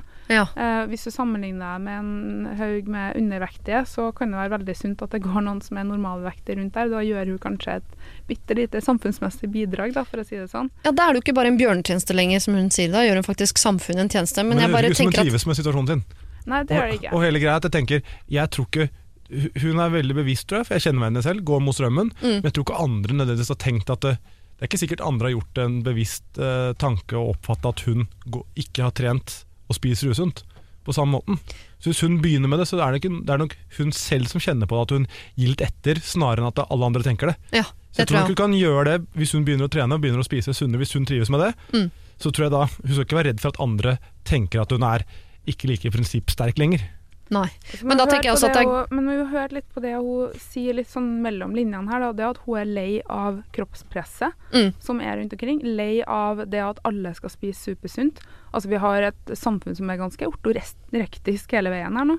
Um, jeg har sjøl slitt med spiseforstyrrelser og prøver å finne et litt mer normalt liv, men merker da at alle rundt meg snakker sånn som jeg tenkte jeg var syk, nesten. Ja. Det, er sånn, det har blitt så normalisert. da. Jeg tenker at jeg hører en litt sånn protest i hun. Det syns jeg er dritkult. Mm. Men jeg tenker at det går an å protestere på andre måter enn hva du sjøl spiser og drikker. Ja. Det går an i samtalen når folk snakker om all den sunne maten sin, når folk snakker om all den treninga si. Si det ja, Har du lyst til å slappe av sammen en dag, eller? Eller Ja. eh, er det nødvendig med alt det her, da? Eller hva får det her deg til å føle? Mm. Um, føler du at du på en måte tar egentlig vare på deg sjøl når du nekter deg alt mulig? Um, hva gjør du hvis du blir påkjørt i overmorgen, og så har du nekta deg sjøl brus eh, hver eneste dag før det? Mm. Eller sånn, altså Vis din protest på en litt bedre måte enn å la det egentlig gå ut over din egen kropp. da. Ja. Eh, bruk eh, ordene dine. Hun er jo åpenbart eh, velformulert eh, dame, Jamila. Så Mhm. altså, bruk ordene dine, og heller si ifra litt. Heller enn å bare drive og protestere med en bolle i munnen. Da. Ja. Du er velformulert, så få bolla ut av munnen, så blir du enda mer velartikulert også. Vi vil at du skal bruke eh, språket ditt og trassen din som et våpen, men du trenger ikke å bruke kokosbollene i eh, samme eh, grad. Så, eh, så hvis du er misfornøyd, så slutt med de tingene du er misfornøyd med, men hold på trassen. Vær en motvekt, men eh, ta heller og møt vennene dine med eh, samtale, og vær en motstand i måten du uttrykker deg på. Så tror jeg du kommer veldig mye lenger enn det du driver med nå. Husk deg, det er ikke sikkert vennene dine har lagt merke til engang at du driver og trasser. Så uh, med mindre du flagger at 'nå slutter jeg å trasse', så er det ikke sikkert det er noen rundt deg som legger merke til noe som helst. Radio Norge. Og du hører altså på Radio Norge, Siri og de gode hjelperne, sammen med Mats Hansen og Ingeborg Senneset. Og jeg sa det vel eh, Jeg husker ikke akkurat når jeg sa det, men jeg tror jeg har nevnt at vi skulle innom et problem som omhandler en hund. Var det ikke du som nevnte, Mats, at fordi du har en ja, ja, Nei, du sa det bare til oss. Ja, unnskyld, kanskje det var hemmelig. Jeg beklager til deg som hører på. Det hender at vi snakker også under musikken. Ja. Um, men det henger et bilde av deg sammen hund et sted, som er litt problematisk. Det er korrekt. Ja. Glem det! Hør heller på denne mailen som jeg nå skal lese, som er uh, Jeg prøvde å korte den ned, den er veldig lang. Jeg har et problem, eller rettere sagt, samboeren min har et problem. Eh, Han er min drømmemann, uh, og nå har vi en hund. Eh, Noe jeg overhodet ikke vil ha. Jeg har egentlig aldri likt hund. Valpen er jo søt, eh, eller den var søt da den var liten, men nå syns jeg ikke den er så veldig søt lenger. Og ikke klarer jeg å bli glad i den hunden heller. Hunden er snill og lydig, men jeg vil ikke ha hund. Og jeg prøvde å ta opp, eh, med han på en bra måte, men jeg kommer altså ikke gjennom. Vi var nyforelska da vi fikk valpen, ca. seks måneder etter at vi ble sammen. Og i ettertid sier han at han hadde bestemt seg for å få hund lenge før jeg kom inn i bildet i det hele tatt. Nå har vi en baby på fire måneder, og irritasjonen over denne hunden holder på å ta helt av. Noe som igjen går utover forholdet vårt. Jeg har bedt henne om å støvsuge daglig pga. hundehår og dritt og lort som følger med den bikkja, men det ender opp med at det er jeg som må støvsuge. Ikke kan hunden være aleine hjemme heller, for det er han ikke vant med, så uansett hvor vi drar, så må den jævla bikkja være med. Nå kjenner jeg at jeg ikke orker mer hundeliv. Det som er vanskelig for meg, er at jeg elsker jo mannen, men jeg hater bikkja. Vi har baby sammen, så jeg vil ikke flytte ut heller. Har vært inne på tanken om å finne et annet sted til oss å bo, noe som er trasig. Jeg har også vært inne på tanken om å fake allergi, noe jeg ofte sier på kødd, men innerst inne så mener jeg det.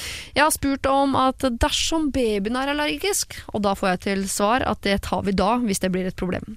Jeg har meldt meg ut av alt som har med hunden å gjøre, og nå vet jeg ikke mer hva jeg kan gjøre. Hunden er jo livet hans. PS. Jeg er redd for om jeg klarer å leve med samvittigheten om vi kvitter oss med den. Ikke for hunden sin del, altså, men for mannen sin. Men nå trenger jeg deres hjelp.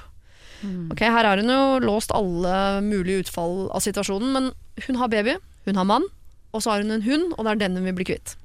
Uten å være for eh, privat her, så kan jeg si at jeg kjenner meg igjen. Ja. Eh, og det åpner jo med at hun sier at det er samboeren min som har et problem. Mm. Så det er ganske bestemt på at her er det, dette er hans Altså jeg tenker Dette er noe de må finne ut av i fellesskap. Mm. Uh, og så mener jeg altså at det, han er en hundevenn jeg Og jeg tenker den hunden er en del av pakka. Hun har valgt en mann, den hunden er en del av pakka. Han er en hundeelsker. Mm. Eh, det er det hun har Så, så får vi håpe at han har da kartlagt det på et tidlig stadium. At ikke han plutselig kommer hjem med en hund, men at den faktisk er da Jeg er et hundemenneske, jeg har lyst på hund. Hun svarte jo ja til en hund i den perioden hvor jeg eh, husker til min mann svarte ja på sånn. Selvfølgelig elsker jeg å gå og se fotballkamp, og ja, vi skal høre på David Bowie, det er ikke noe tvil om det. Altså, man svarte jo ja på mange spørsmål bare for å please partner. Ja, sant? men det er, det, er, det, er, det er faktisk Jeg er veldig glad i hunder, og jeg vet at det er det er og nesten et personlighetstrekk. Og, det, og det er sånn Du har valgt å bli sammen og få barn med en mann som elsker hunder. Mm. Det er på en måte et valg du har tatt. Og da tenker jeg du må se litt mer. Da kan du ikke bare si at dette er samboeren din sitt problem. Nei. Jeg syns det blir sagt veldig kloke ting ved siden av meg her. Um, jeg er sjøl et hundemenneske. Ja. Og jeg ser når jeg Hvis jeg sitter og sveiper på Tinder, og noen har hund, da overdøver det absolutt alt noen kan skrive eller noe sånt. Da tenker Ja. jeg bare er det der noen som kan inn i mitt liv?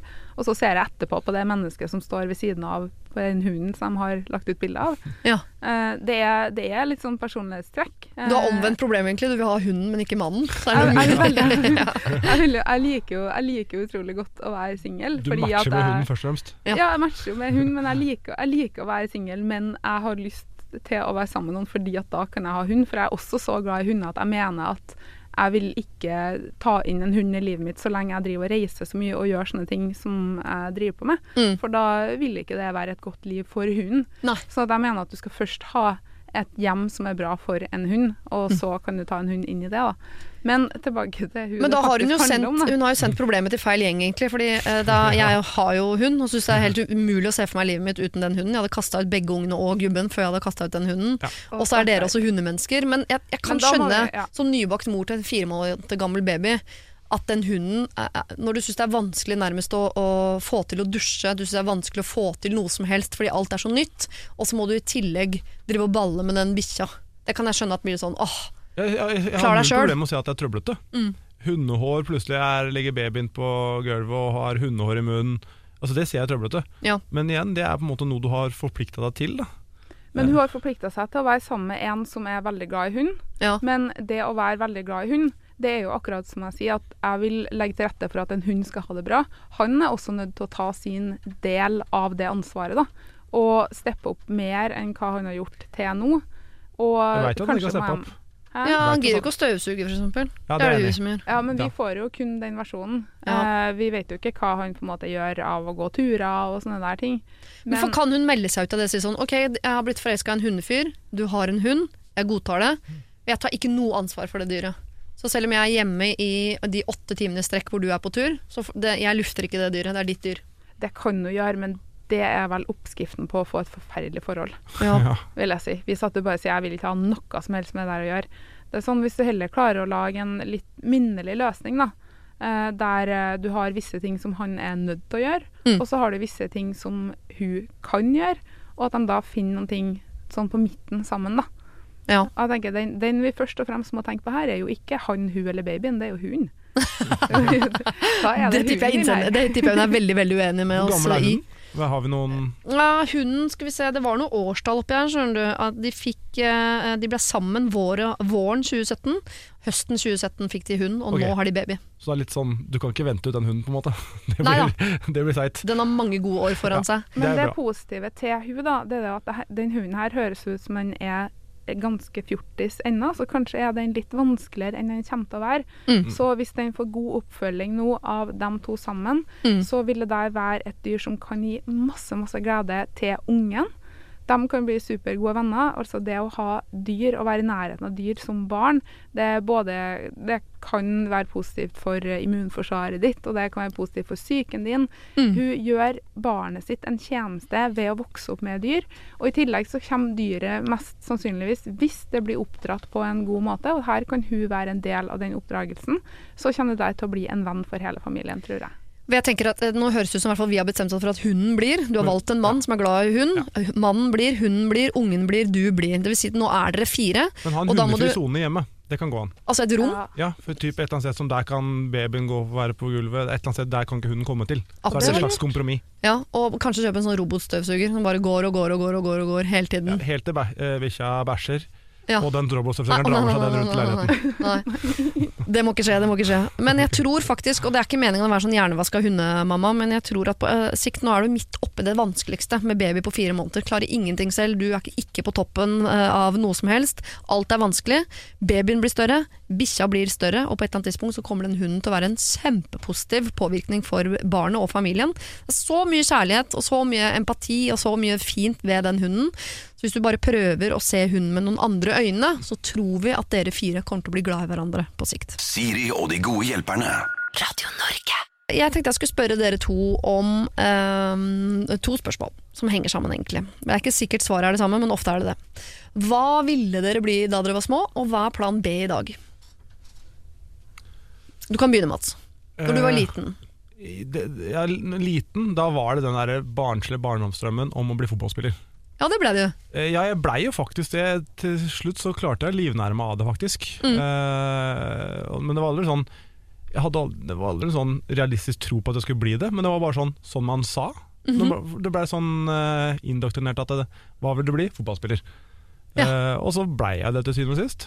Eh, så har jeg liksom aldri hatt noe Jeg har egentlig alltid tenkt Jeg har lyst til å ha en jobb som er gøy, som føles som en Jeg har aldri vært noe konkret på hva. Jeg har bare lyst til at den jobben skal ikke føles som jobb. Og det har jeg lyst til å ha, det tenker jeg fortsatt. Så, og sånn føler jeg det nå, så jeg er kjempehappy. Så alt jeg gjør er egentlig bare håp om, å- om med mål om at jeg skal ha det sånn i flest mulig år. At Ja. det ikke skal føles At ikke søndagen skal føles som et ork fordi man må på jobb på mandag. Så hvis det du driver med nå skulle feile, så er plan B å gjøre noe annet som også er gøy. Ja, rett og slett. Om det er salg, syns jeg er kjempegøy. Markedsføring er utdanning innen det. Jeg tror Ja. det er masse gøy jeg kan drive med, som jeg tror kommer til å kose meg med. Ja. Plan B, gjør noe gøy. Mm. Så bra. Hva med deg, Ingeborg? Jeg ville bli dyrlege. Eh, typisk vokste opp på gård og ville bare reparere alle dyr. Helt til noen spurte meg men hva gjør du når du må avlive dyret. Ja. Og da avlivde jeg den drømmen. Ja. Så da ville jeg bli musicalstjerne. Eh, og så hørte jeg meg sjøl synge, så da var den død. Så nå heller jeg egentlig litt åpent. Så de tingene du drømte om da du var barn, det er ikke med deg som en plan B. For nå i voksen alder også, så kunne du aldri funnet på å avlive dyr, selv om det var sykt. Eh, jo, hvis det hadde vært sykt, så kunne jeg jo selvfølgelig Eller jeg hadde jo gjort det. Ja. eh, Men jeg kan kan si at det, det er mulig faktisk å komme en vei i musikken uten å kunne synge. Det, det snakker Ja. erfaring. Ja, det har jeg hørt rykter om. Ja, Mads Hansen er et godt eksempel på det. det er faktisk mulig. Ja. Så det kan du ta inn igjen som en plan B, å bli musicalstjerne. Ja, men er det egentlig musicalstjernene som overlever hvis de ikke kan synge? Nei, Det er ikke så mye autotune eh, ja, i nei, musicals. Det spørs, det spørste, det, altså. Ja. Mamma Mia med autotune. Ja. Ja, kunne vært gøy å høre. Mm.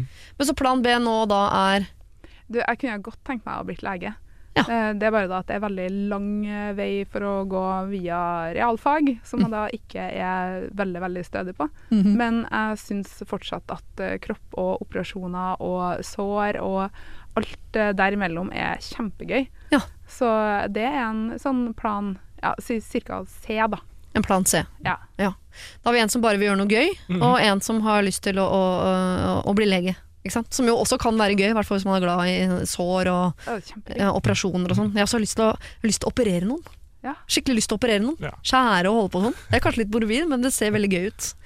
Eh, vi skal ta flere problemer. Vi har vel ja, ett problem igjen, som er av den tunge sorten, der en eh, jente har lyst til å ikke ghoste mor, som vi allerede har vært gjennom, men denne gangen er det søster. Hun ønsker å ha sin søster ut av livet.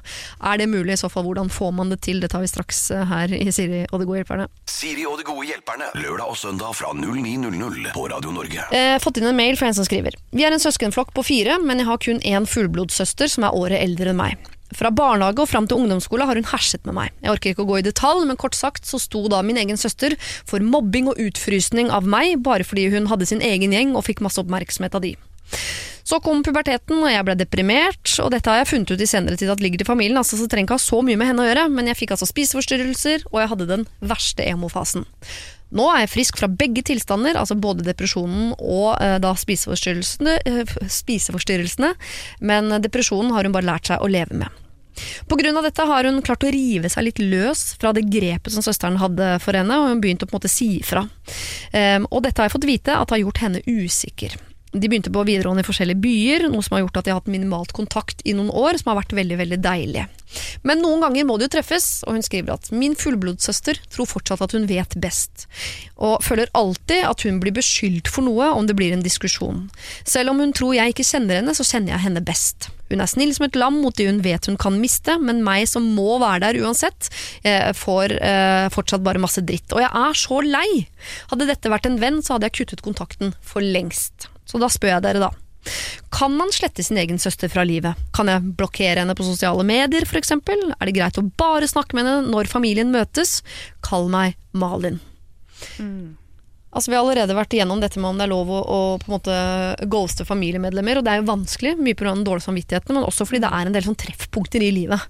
Så sånn, Denne søsteren her er jo et menneske som på, i en eller annen grad kommer til å være en del av livet til Malin. Mm.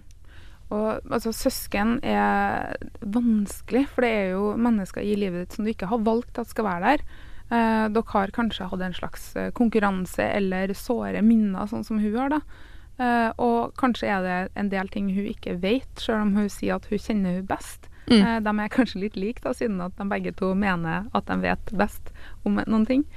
Um, men det er sannsynligvis noen som du ikke får til å slette fra livet ditt på samme måte som en venn. Mm. Altså Du kan slå opp med en kjæreste, du kan slå opp uh, med venner, uh, og du kan uh, på en måte flytte ifra ting. Men det vil på et eller annet tidspunkt på en måte dukke opp i livet ditt på nytt, med mindre du sletter alle andre også, eller krever at alle andre skal slette henne også. Mm. Sånn at hun må finne en eller annen minnelig løsning for seg sjøl og for søstera. Eh, om det er å prate sammen og få stilt noen spørsmål, eller si da at 'Vet du hvordan jeg hadde det på ungdomsskolen?' Det er ikke Mm. sikkert at hun aner det.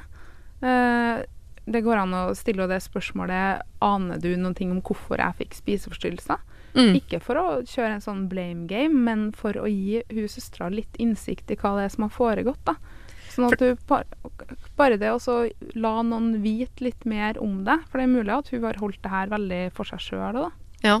Det er jo en litt sånn uh, klassisk greie at uh, hvis det er noen man misliker, så er det egentlig det beste man kan gjøre, er å bli så godt kjent med de at man finner ting man liker ved de, og så det, blir det helt umulig å hate det etterpå. Det høres ut som, selv om det er det Malin aller helst ikke vil høre, eh, så er det at det sitter tre stykker på radio og sier sånn 'Jeg hører du ikke vil være sammen med søsteren din, du skal være mer sammen med søsteren din'. Det er det Ja, man ikke aller minst lyst til å høre. mer, men annerledes, da. Ja. At det går an å finne en mer ærlig måte å være sammen på. Og si da at, vet du, at jeg, har, jeg har opplevd livet vårt som så knallhardt i min disfavør. Har Mm. du opplevd det samme? Du trenger ikke å anklage og si bare sånn her, det var din skyld at jeg fikk spiseforstyrrelser, eller det var din skyld at jeg ble mobba. Men si da at vet du hvordan jeg har hatt det? Uh, vet du hvorfor jeg var stille den dagen? Mm. Uh, vet du at jeg satt alene den kvelden? Sånne Men Prøv Sto det ikke noe med reaksjonen til søstera, at hun reagerte litt spesielt på sånne ting? når hun ble beskyldt for ting? Jo, hun føler alltid at hun blir beskyldt for noe, ja. Så Ja. kan nok hende at hun tar alt det der som uh, angrep. Men, men problemet her er jo at Mm. du, du kan jo ikke kutte ut en søster helt, for da, da må du kutte ut familien òg. Ja. Hvis du sier at sier, vi skal ikke være sammen, men så kommer det en konfirmasjon eller en bursdag eller en julaften, og da blir det enda verre. Mm. Eh, men du sier, det blir altså sagt at hun, hun er veldig, søsteren er veldig ålreit mot din, hun, hun er redd for å miste. Så da får vi gi, fortelle at det, hei, du kan miste meg. Ja. Du, eh, hvis du ikke behandler meg bedre, bare vit det, så kommer jeg til å kutte kontakten. Ja. vi er søsken, men jeg kan ta et valg om det, jeg vurderer det. Og kanskje da går det opp for søsteren at det, ok, jeg må faktisk behandle søsteren min som alle andre er redd for å miste, for jeg kan miste henne også. Ja. Så kan kanskje det være noe. Og jeg tror Ja. det er altfor få som er klar over at et søskenforhold også er noe som krever arbeid. Da. Mm. Um, jeg, er, er lillesøster med to storebrødre som jeg er fryktelig glad i, uh, fordi de har vært så viktige i livet mitt pga. at det, var vansker ellers i familien. Da. Og derfor så var vi veldig tett. Men når vi har blitt voksne her og bor på forskjellige steder, her, så krever det faktisk at ja, vi er nødt til å huske på å ta litt vare på det forholdet vi i utgangspunktet hadde. Da. Og ikke Eh, bare at treffes i konfirmasjon, liksom. ja, det Ja. kan ikke bare være de obligatoriske tingene. Um, det er et forhold som må pleies. Mm. Og de her har jo et kjempevanskelig utgangspunkt med så mange såre minner. Men Jeg lurer på om foreldrene også er klar over at disse to søstrene har et så komplisert forhold. fordi som forelder så vil man jo at barna skal være uh, så nære som mulig, ikke sant. Eh, men hun spør kan jeg blokkere henne på sosiale medier f.eks. Sånn, hvis du trenger en pause fra eh, søsteren din som du har sett på som en tyrann i ditt liv, så kan det hende at eh, Facebook for eksempel, skal være en arena hvor du ikke trenger å irritere deg over henne. Så der, Ja, der må det være Om lov. ikke blokkeres, i hvert fall. eh, For da, da vil etter hvert søsteren få vite det òg. Ja, Men om du heller kan filtrere bort, det går jo også an, det. ja. Eh, mute. Ja, mute, men et konkret tips som faktisk Det høres banalt ut, men noe som er samlende, det er å finne en felles fiende. Ja. ja, men også om det er alt fra Om det er at du hater bompenger sammen, til at du Til at ex, begge syns at eksen til søstera er en idiot. Altså, en oss mot dem-mentalitet er Mm. sterkere enn man tror. Så hvis man finner av og helst ikke da noen som ikke, Jeg sier ikke at man skal mislike egne foreldre, men noen annet enn part som man faktisk kan ha som en slags felles fiende. da. Så Ja. tror jeg det, som igjen, hvor enn banalt det høres ut, vil bidra til å samle folk. Vi vil, jeg vet Malin at det ikke er det du vil høre, men vi vil på en måte at, at du skal få et bedre forhold til søsteren din.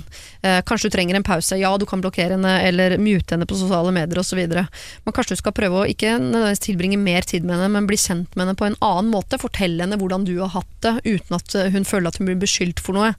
Eh, se om dere kan finne en felles fiende, se om dere kan bare finne et eller annet som gjør at dere to kan få et bedre forhold, sånn at du ikke får lyst til å, eh, og ha søsteren din ut av livet ditt, for det tror vi blir vanskelig all den tid dere har eh, så mange andre felles ting i livet. Det er vanskelig. Skal du kvitte deg med søstera di, så må du kvitte deg med hele familien.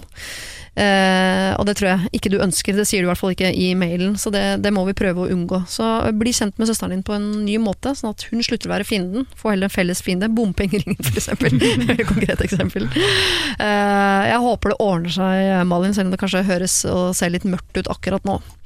Eh, Jeg må si tusen takk til helgens gode hjelpere, som jo er eh, deg, Ingeborg Senseth. Tusen takk for at du ville komme og hjelpe til, og tusen takk Mats Hansen for at du ville komme og hjelpe til. Håper vi var til hjelp. for Ja, det var dere absolutt. Det gjenstår å se. Ja, det. kan jeg si da til deg som hører på. Hvis du har fått hjelp, så send inn mail til sirialfakrøllradionorge.no og si åssen det går, så skal jeg videreformidle det til Ingeborg og Mats. Det må de gjøre.